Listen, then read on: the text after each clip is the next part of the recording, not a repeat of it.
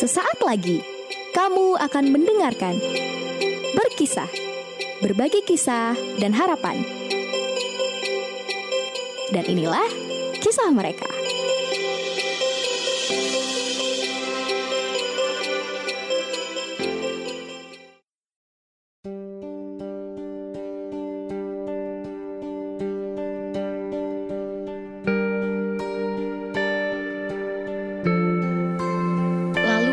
Menoleh ke arahku dengan uraian air mata yang berusaha untuk diusap dengan kedua tangannya.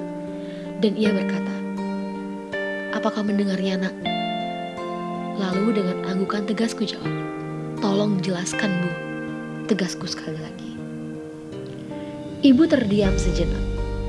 Kemudian ia membalikkan tubuh sepenuhnya ke hadapanku sembari berkata, Maafkan ibu nak, ibu dan bapakmu ini sudah lama tidak ada kecocokan lagi. Jadi memang sudah tak dapat lagi dipertahankan sekarang. Terlihat uraian air mata ibuku yang makin deras. Tapi tanpa ada sepatah kata pun lagi yang keluar dari mulut kakuku.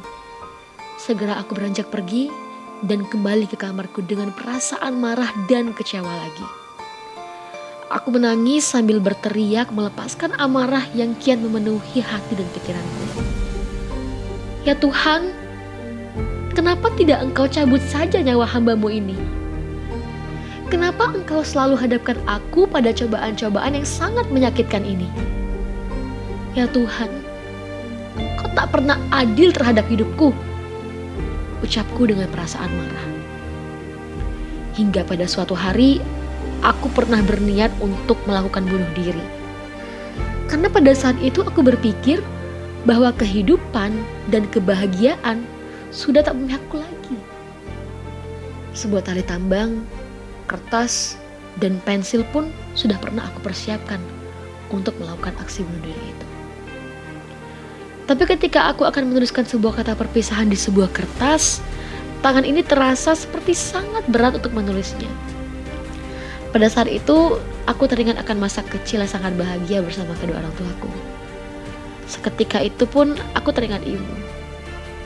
Bapak telah memilih meninggalkan ibu. Apa aku pun akan dengan tega meninggalkan ibu sendiri? Bukan sebuah kata yang tertulis, melainkan sebuah air mata kenangan yang menetes di kertas tersebut. Aku urungkan niat, ku buang jauh-jauh benda yang hampir merenggut jiwaku. Sejak saat itu, aku mulai menutup diri, mengurung diri dari lingkungan maupun keluarga. Aku merasa sangat-sangat terpuruk, terperosok sangat dalam ke dalam jurang yang kelam. Hari ke hari, bulan ke bulan, bahkan tahun ke tahun, aku lewati hanya dengan mengurung diri.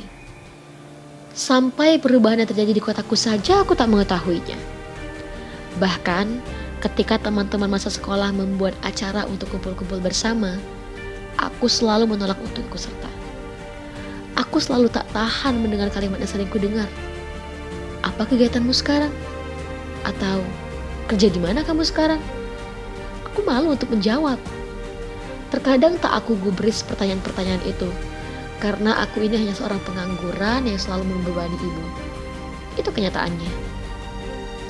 Hari-hari berikutnya hanya kuhabiskan dengan aktivitas yang tak berguna dan tak bermanfaat. Akhirnya pada suatu pagi, aku seperti mendapatkan sebuah mimpi. Tapi aku merasakan tak bermimpi semalam. Entah ada angin apa, tiba-tiba hatiku seperti terketuk dan diberi petunjuk. Hari itu ketika aku mulai membuka mata dari tidur, aku langsung berkata, Aku harus bangkit. Aku tak ingin terus-terusan begini. Betapa bodohnya diriku selama beberapa tahun belakangan ini. Aku harus bangkit, tegasku. Mulai dari sinilah aku mulai bisa menerima keadaanku yang sekarang. Aku meminta ampun kepada Tuhan karena sebelumnya aku pernah dengan berani marah kepadanya. Setiap kali aku melangkahkan kakiku ke mana pun aku pergi, aku selalu berniat dalam hati. Aku harus bisa. Aku ingin membahagiakan orang tuaku yang selama ini telah kubebani. Ini adalah sepenggal kisah yang dapat kuingat. Hari mulai gelap, matahari sudah mulai akan tenggelam. Aku mulai meninggalkan danau yang tampak begitu indah sore ini. Aku beranjak dengan senyuman. Aku berjanji tak akan lagi melangkah dengan kepala yang tertunduk lesu. Aku berjalan menyusuri jalan yang mulai tapak gelap dengan kenangan dan bayangan yang mengeruak hati dan pikiran membangkitkan semangatku. Aku berkata dengan kepercayaan yang tegas dan mantap, aku harus bangkit.